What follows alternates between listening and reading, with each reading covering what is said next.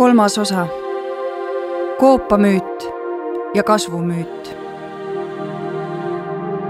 Madis Vasser on Eesti keskkonnaliikumises vabatahtlikult nõus täitma klouni rolli. doktorikraadiga informaatiku suust kõlab see esiti ootamatu avaldusena. Vasseri klounaad on retoorilist laadi seal, kus tõsiseltvõetav roheline räägiks jätkusuutlikkusest, ökosüsteemide teenustest ja rohelisest majanduskasvust, räägib Vasser hoopis tasaarengust, süvakohanemisest ja kollapsist. dialoogi sellest tavaliselt ei sünni.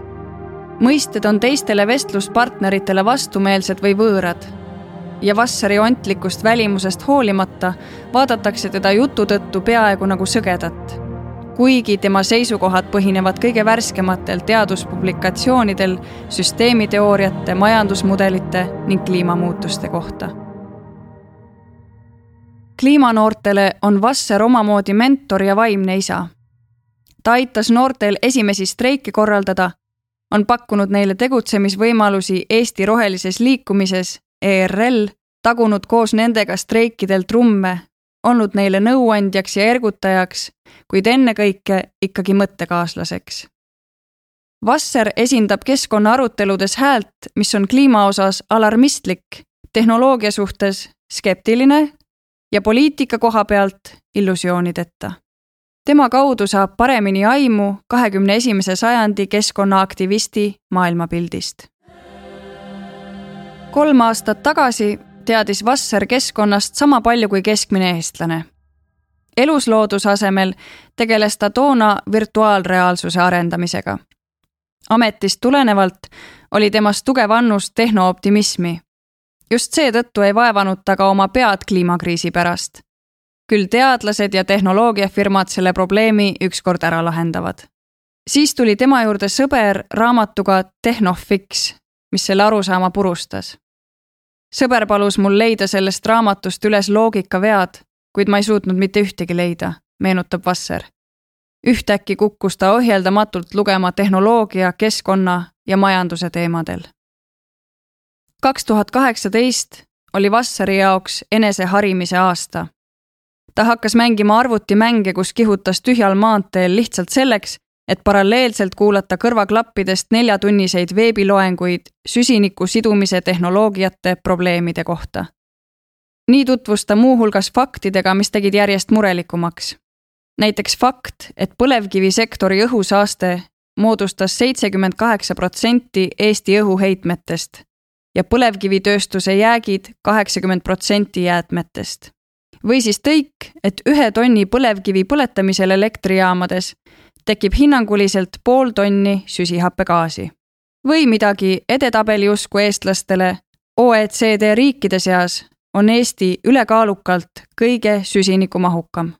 ühe inimese kohta paiskame õhku umbes samas mahus süsihappegaasi nagu maasturilembesed ameeriklased.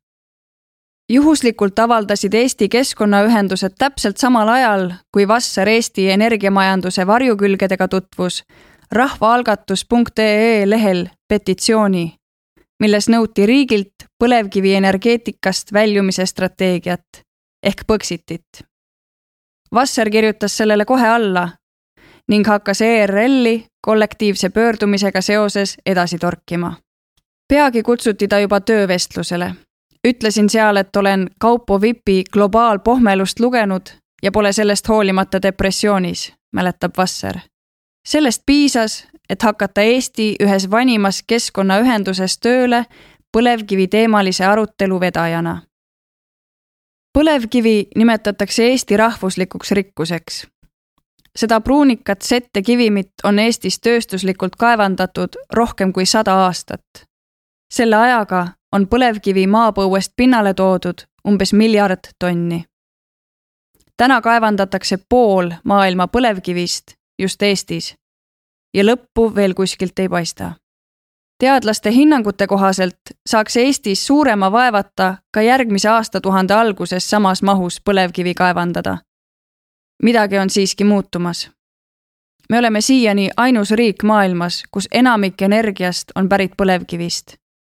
Kui aga viimase nelja-viie aasta trendid jätkuvad, võib järgmine aasta osutuda ajalooliseks nii et Eestis toodetud energiast moodustaks põlevkivi alla poole. alles see oli, kui Eesti sai ajada rinna uhkelt kummi ja öelda, et me oleme üks väheseid energeetika vallas isemajandavaid riike Euroopas. meil oli nii palju elektrit, et seda sai lahkelt müüa naabritele. nüüd aga sagenevad järjest perioodid, mil Narva elektrijaamad seisavad jõude, kuna põlevkivist pole otstarbekas toota mitte ühtegi megavatti elektrit. turul lihtsalt ei leidu kedagi, kes seda ostaks. Eestist on saanud esmakordselt elektrienergia importija põlevkivienergeetika vähikäigu on tinginud avatud elektriturg, taastuvenergia tehnoloogiate odavnemine ning Euroopa Liidu kvoodikaubandus. Need on pöördumatud protsessid, mis tõrjuvad põlevkivielektri täielikult turult välja kõige hiljem järgmise kümnendi keskpaigaks. selle väljavaatega ollakse Eesti Energia ja Viru Keemiagrupi kontorites juba leppinud. ometi ei too see endaga kaasa Põxitit sest põlevkivist saab toota ka õli. just põlevkiviõli tootmist soovivad keskkonnaaktivistid täna peatada.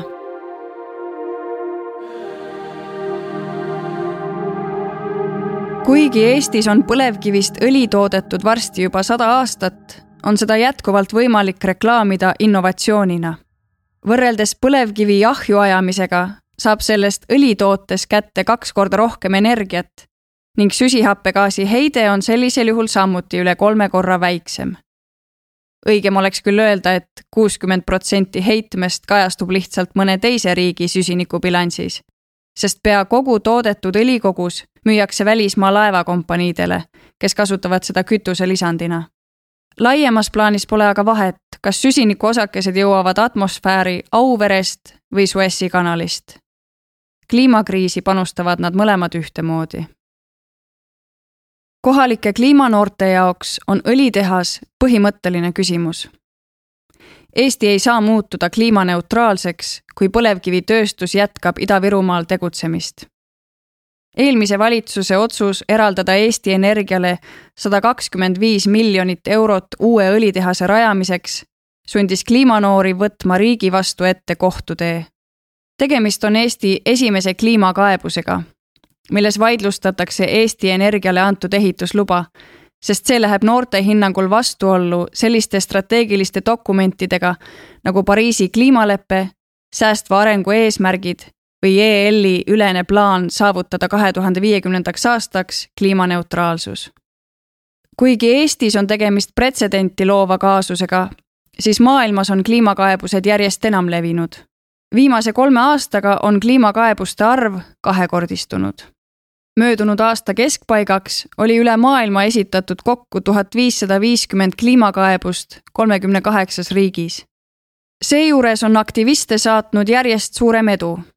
Londonis seisis kliimakaebuse tõttu pikalt Heathrow lennujaama kolmanda lennuraja ehitus. Hollandi valitsust sunniti kohtu kaasabil seadma kliimamuutusega võitlemiseks ambitsioonikamaid eesmärke ning Kolumbias kohustati riiki Amazonase vihmametsade raiumist pidurdama. Hiljuti esitasid Portugali noored keskkonnaaktivistid Euroopa Inimõiguste Kohtusse aga kolmekümne kolme Euroopa riigi, sealhulgas Eesti vastu kaebuse, kus toodi välja, et riikide suutmatus süsinikuheidet piirata ohustab noorte füüsilist ja vaimset heaolu. kliimakaasused on ajastu märk Peep Mardiste teab rääkida, kuidas viisteist aastat tagasi kaebas ERL majandusministeeriumi kohtusse põlevkivi kaevandamise plaani pärast. sisu mõttes oli juba toona kliima põhimõtteliselt arutluse all, kuid mitte keegi ei reklaaminud seda kliimakaebusena. Mardiste sõnul peljati, et kohus pole selleks valmis. tundus, et kliima oli tol hetkel liiga abstraktne. praegu mõtleb kohtusüsteem kliimanoortega kaasa millest annab tunnistust hiljuti tehtud halduskohtu otsus peatada ajutiselt Eesti Energiale antud ehitusluba. nii ei saa riiklik energiafirma kuni lõpliku kohtuotsuse jõustumiseni koppa maasse lüüa, mis võib tähendada kuni paariaastast viivitust. arvestades Euroopa Liidu kliimapoliitilisi ambitsioone ja tehnoloogia arengut, võib see olla piisav selleks, et FFF saaks olla nael Eesti Energia kirstul kui kasutada noorte endi väljendit. Mardiste väitel eristab FFF-i liikmeid varasematest keskkonnaaktivistidest palju radikaalsem ja pessimistlikum vaade sellele, mis varsti juhtuma hakkab. Nende jaoks on katastroof juba käes. sellise arusaama pinnalt kõlab lubadus saavutada kliimaneutraalsus aastaks kaks tuhat viiskümmend, nagu Eesti on Euroopa Liidu eeskujul möödunud aastal endale kohustuseks võtnud, kuritegeliku ja hukatuslikuna sarnaselt teadlaskonnaga ei pea kliimanoored Euroopa Liidu rohelepet mitte üliambitsioonikaks, vaid ebapiisavaks dokumendiks. eriti kuna lepet raamistab keskkonnasäästu asemel jutt rohelisest majanduskasvust. Henry jaoks on vastuvõetamatu, et leppes ei räägita mitte sõnagi sellest, et me peaksime oma tootmist ja tarbimist vähendama selle asemel on erinevates kliimaneutraalsuse saavutamise plaanides pandud palju rõhku innovaatilistele tehnoloogiatele, mis lubaksid majanduskasvu keskkonna saastamisest lahti siduda ja senisel tarbimispeol jätkuda. palju lootusi on pandud vesinikule, uut hoogu on kogumas jutud tuumaenergiast ja kõige ulmelisemates stsenaariumides puistatakse atmosfääri päikesevalgust tagasi peegeldavaid väävliosakesi kliimanoored ei usu, et tehnoloogia inimkonda praeguselt kursilt suudaks päästa. selle küsimuse peale hakatakse mulle rääkima Jevoni paradoksist ehk tõhususega paratamatult kaasas käivast soovist veelgi enam tarbida. Eesti riiklikes arengukavades pole sellest paradoksist sõnagi juttu. kuigi meie ponnistused kliimaneutraalsuse poole liikumisel keskenduvad esmajoones kõiksugusele tõhustamisele, optimeerimisele, energiakadude vähendamisele või nutikate lahenduste kasutuselevõtule. ligi kuue tuhande töötajaga tööstusharu väljasuretamise kõrval on need lihtsad sammud, millest Eestil on seni olnud võimalik lähtuda tänu ajaloolisele juhusele. nimelt on süsinikuemissioonide vähendamisel globaalselt valitud baasaastaks tuhat üheksasada üheksakümmend kui Eesti oli veel tubli Nõukogude Liidu vabariik, kus toodeti meeletutes kogustes kummikuid, transistoreid ja silikaattellist. kui taasiseseisvunud Eesti liideti kapitalistliku turumajanduse vooluringi, sulgesid paljud hiigeltehased jäädavalt oma uksed. Eesti kasvuhoonegaaside heide vähenes kolme aastaga pea poole võrra, ilma et selleks oleks ise tulnud teha ühtegi strateegilist otsust Pariisi kliimaleppega võetud kohustused aastaks kaks tuhat kolmkümmend, vähendada heidet nelikümmend protsenti, oli Eesti täitnud juba leppele alla kirjutades.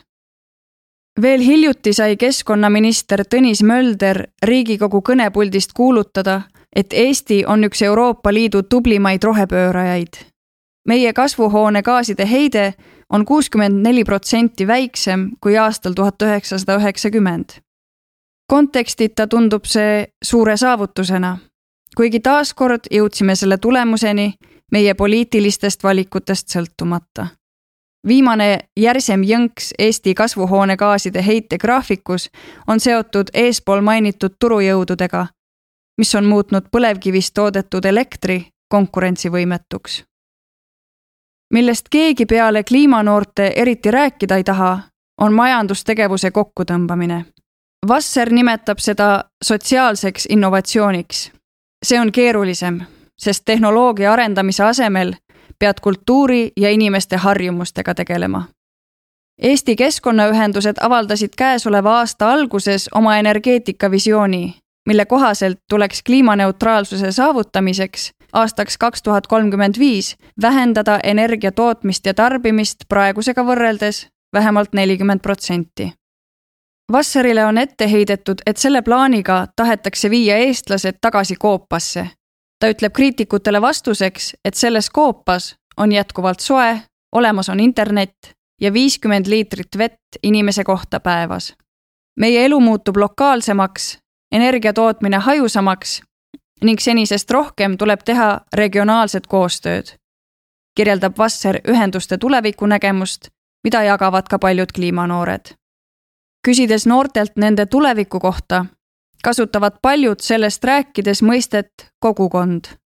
näiteks Kristini sooviks on elada tulevikus kuskil ökokogukonnas, kus tal on oma põllumaa toidu kasvatamiseks allikast tuleks puhas vesi ja otsuseid võetakse vastu rahvakogu meetodil. sarnane unistus on ka Kaial, kes soovib näidata, et meie toidulaud ei pea sõltuma keemia ja naftatööstuse sisenditest. Need sisendid saavad ühel hetkel otsa. banaanid ei tule enam varsti tasuta üle ookeani. kui see plahvatus ära käib, siis ma tahaksin luua väikeseid padjakesi, kuhu inimesed saaksid maanduda, et nad ei kukuks oma pead lõhki. Kaia on nimelt veendunud, et inimesed on oma vabaduse ja iseseisvuse suurkorporatsioonidele loovutanud. viimased kaks aastat on ta padjakeste loomise suunas juba väikeseid samme astunud, kasvatades Tartu maheaias ise ube, kõrvitsat ja nisu. streikimise asemel on aiandusest saanud tema peamine fookus keskkonnaaktivistina. Henri ja Madis kuuluvad mõlemad aga väikese süvakohanejate kogukonna liikmete hulka. tegemist on seltskonnaga, kes juba katsetab elu kliimakriisi järgses maailmas. Möödunud suvel toimunud süvakohanejate suvelaagris õpetas Henri näiteks vikatiga heina niitmist sauna remontimiseks ei tormanud süvakohanejad esimese asjana mitte Bauhofi, vaid sobiv ehitusmaterjal leiti mõne meetri kaugusest metsatukast. süvakohanejate huvid on erinevad ja see rikastab. üks teab tehnoloogiast, teine toidust, kolmas ehitamisest ja neljas kogukondade loomisest. Tulevikus on need kõik kasulikud oskused Vasser tegutseb ise hetkel muuhulgas selle nimel, et Tartu lähedale püsti panna liittehnoloogia teemapark. puidust tuulikute, savist ja põhupallidest ehitiste, toidusalu ja erinevate mehaaniliselt käitatavate atraktsioonidega. tema eesmärgiks on meelelahutuslikul viisil õpetada seda, kuidas inimmõõtmeline maailm tegelikult töötab. Muidugi, paljude jaoks on selline elektroonikavaba park juba ohtlikult lähedal kardetud koopa analoogiale.